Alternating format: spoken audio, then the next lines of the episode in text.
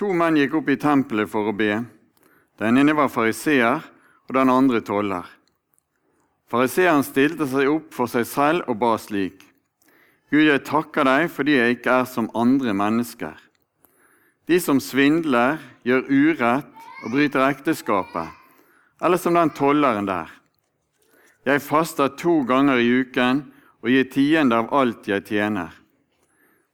Tolleren sto langt unna og ville ikke engang løfte blikket mot himmelen. Han slo seg for brystet og sa, Gud, vær meg synder nådig.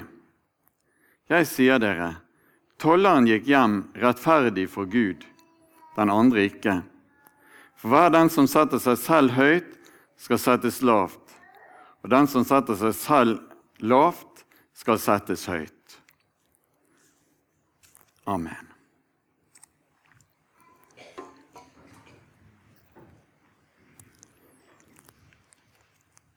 Var det noe som overraska deg? Eller eh, er det det at du har hørt denne fortellingen så mange ganger at du ikke legger merke til det overraskende?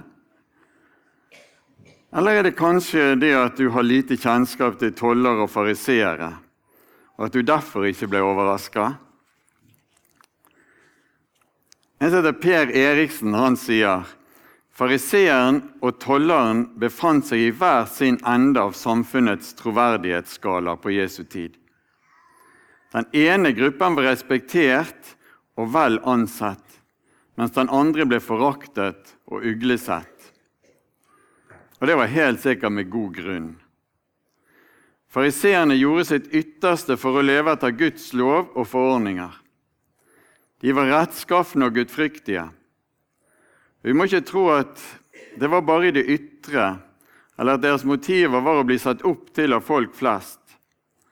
Antagelig så var de aller fleste av de djupt oppriktige i sin higen etter å leve rett for Gud. Tollerne på den andre siden ble ansett som pengegriske og uærlige. De ble sett på som landssvikere i tjeneste for okkupasjonsmakten. Eh, og For oss som ikke har opplevd krigen, så er det kanskje vanskelig å forstå hvor djupt landssvikerne ble forakta. Hvem er det som er målgruppen for denne lignelsen her som Jesus forteller? Det kan vi lese om i vers 9 i, eh, i teksten vår. Um, og Der står det sånn til noen som stolte på at de selv var rettferdige, og så ned på alle andre, fortalte Jesus denne lignelsen. Hva er det som er den mest utbredte tanken i dag hos de som stoler på at de sjøl er rettferdige?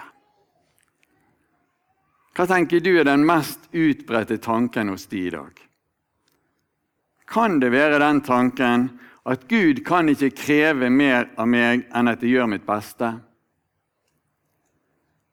Jeg har møtt ganske mange mennesker som sier noe i den duren der.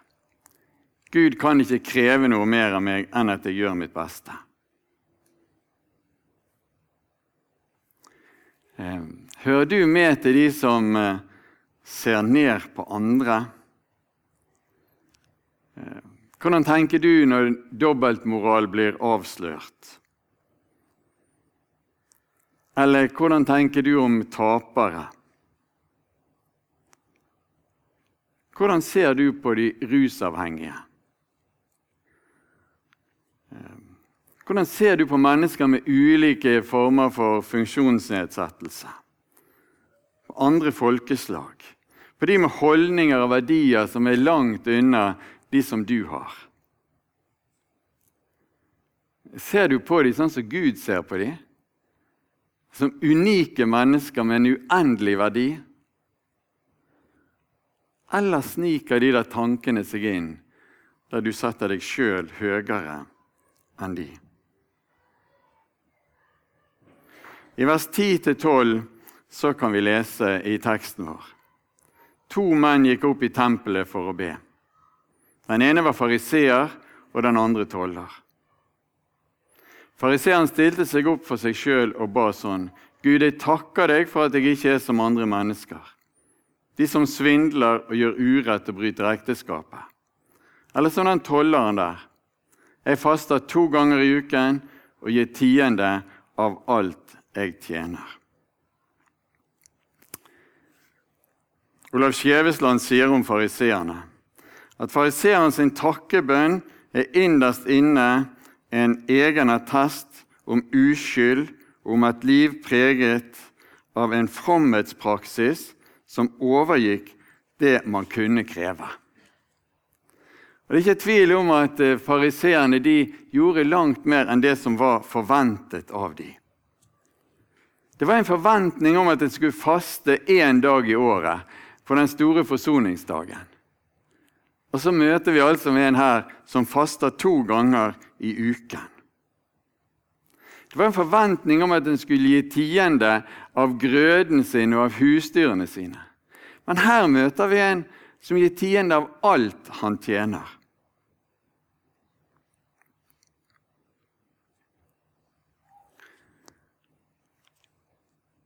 I det 13. verset så leser vi Tolleren sto langt unna og ville ikke engang løfte blikket mot himmelen.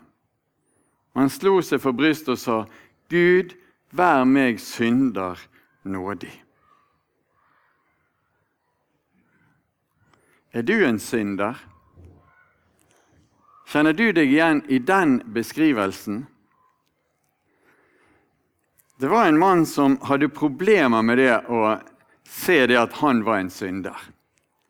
Han syntes han var grei nok sånn som han var. Minst på høyde med de andre, i alle fall.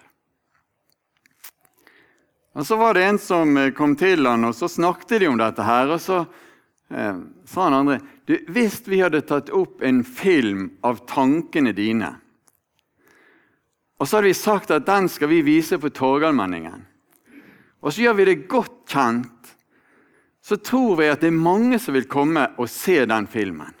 Sånne hjemme hos-reportasjer det er jo sånn som noen eh, eh, liker veldig godt. Eh, men her skulle du altså få lov å komme inn i tankene og få se de. Det ville vekke stor interesse. Hvordan ville det vært? fikk han spørsmål om. Og Da var altså svaret fra han her eh, som eh, ikke så så klart at han var en synder. Svaret hans det var da måtte jeg ha flytta fra Bergen. Det var noe altså hos han som ikke tålte dagens lys. Ehm, I 1. Johannes brev, i det første kapitlet, det åttende, niende verset, så leser vi fra en av lesetekstene som er tatt opp på denne dagen her. Sier vi at vi ikke har synd, da bedrar vi oss selv, og sannheten er ikke i oss. Men dersom vi bekjenner våre synder, er Han trofast og rettferdig, så han tilgir oss syndene og renser oss for all urett. Sier vi at vi ikke har synd, da bedrar vi oss sjøl. Jeg tror den som er ærlig med seg sjøl og som måtte få denne lyskasteren inn over livet sitt, vil oppleve noe av det samme som han der som ble forespeila den filmen på, på Torgallmenningen. Jeg husker godt første gangen jeg fikk se det at eh, Min synd er faktisk et problem i mitt forhold til Gud. Eh, jeg var på leir i Setervika, og det ble spurt eh, hvordan er det med motivene for dine gode gjerninger. Og Da fikk jeg se at her er det jo noe som er riv ruskende gale. Hvordan skal jeg kunne møte Gud, jeg som har disse motivene? Da måtte jeg rope sånn som tolleren gjorde. Vær meg synder nådig. Hva skjedde da? Hva skjer da når vi roper ut det til Gud? Gud, vær meg synder nådig.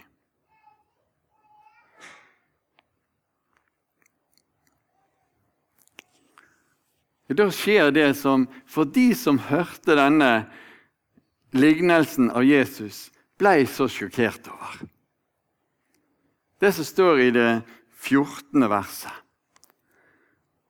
Jeg sier dere, tolleren gikk hjem rettferdig for Gud, og den andre ikke. For hver den som setter seg selv høyt, skal settes lavt. Og den som setter seg selv lavt, skal settes høyt. Det var det sjokkerende for tilhørerne tilhørende til Jesus. At tolleren, han som var så forakta, han som så mange så ned på, han som så mange vendte ryggen til, han gikk rettferdiggjort hjem til sitt hus. Hva var det som gjorde det?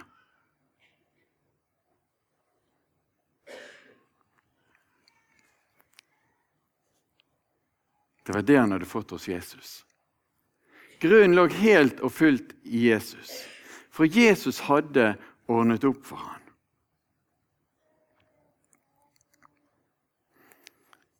Er det andre måter å sette seg høyt på enn det som eh, denne fariseeren gjorde?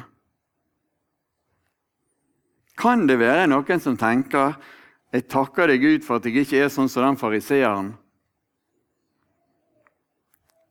men at du har gjort meg ydmyk. At du har gjort meg ydmyk sånn som tolleren. Du, Ikke engang din ydmykhet er noe som du kan bygge din frelse på. Ikke engang din ydmykhet er noe som holder inn for Gud. Det eneste som holder inn for Gud, det er det som Jesus har gjort for deg. Det er det eneste du kan bygge din frelse på. Og du får det helt ufortjent, helt gratis, og Jesus er her og tilbyr det deg nå. Du og jeg vi kan få lov å si sammen med tolleren 'Gud, vær meg synder nådig'. Og da skjer det noe. Og så kan vi gå rettferdig hjem til vårt hus.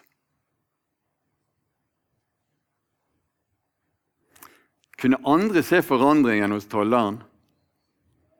Kanskje, kanskje ikke. Det vet jeg ikke. Noen ganger kan du se på mennesker at de er blitt forandra. De har fått et møte med Jesus som har forandra dem.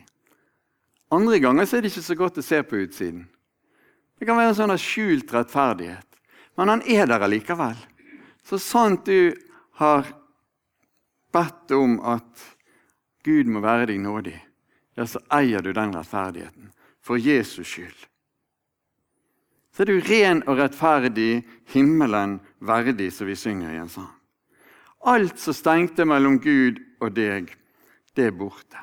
Alt som stengte mellom Gud og tolleren, det var vekke.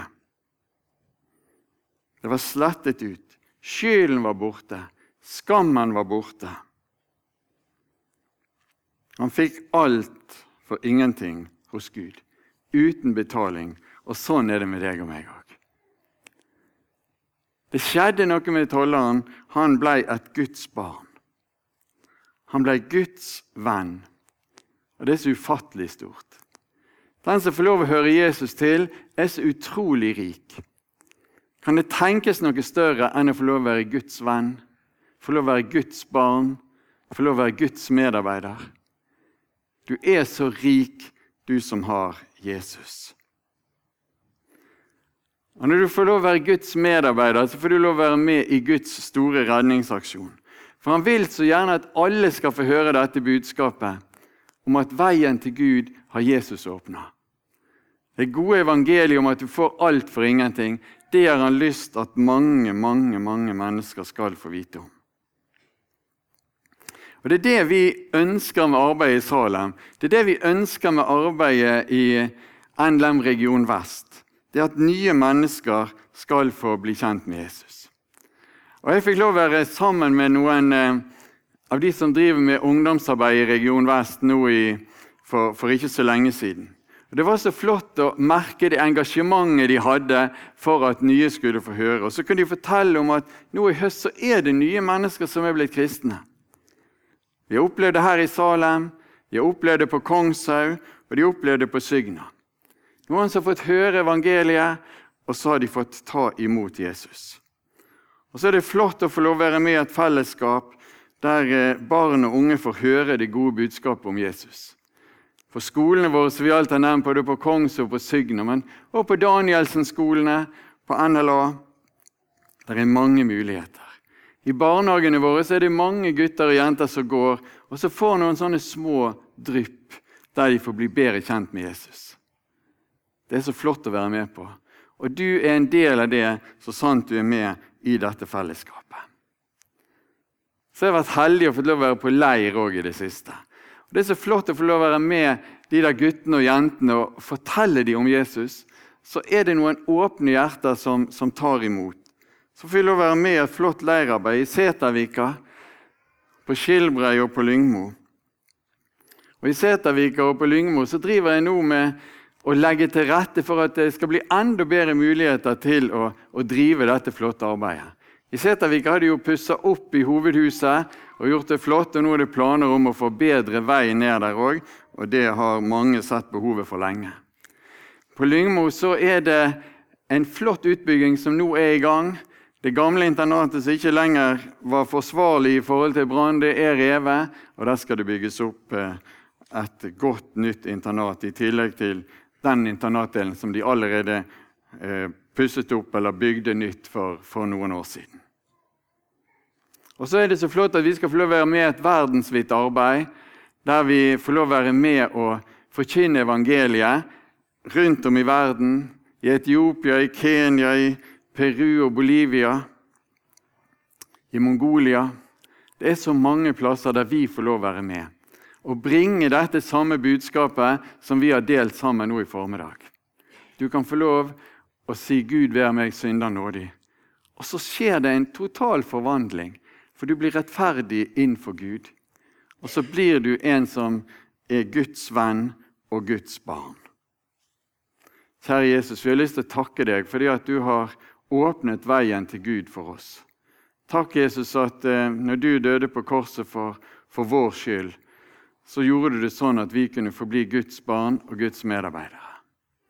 Vi ber om å få lov å leve i din plan med livene våre. Så ber vi om at stadig nye mennesker må få bli kjent med deg. Vi ber komme ditt rike. Amen.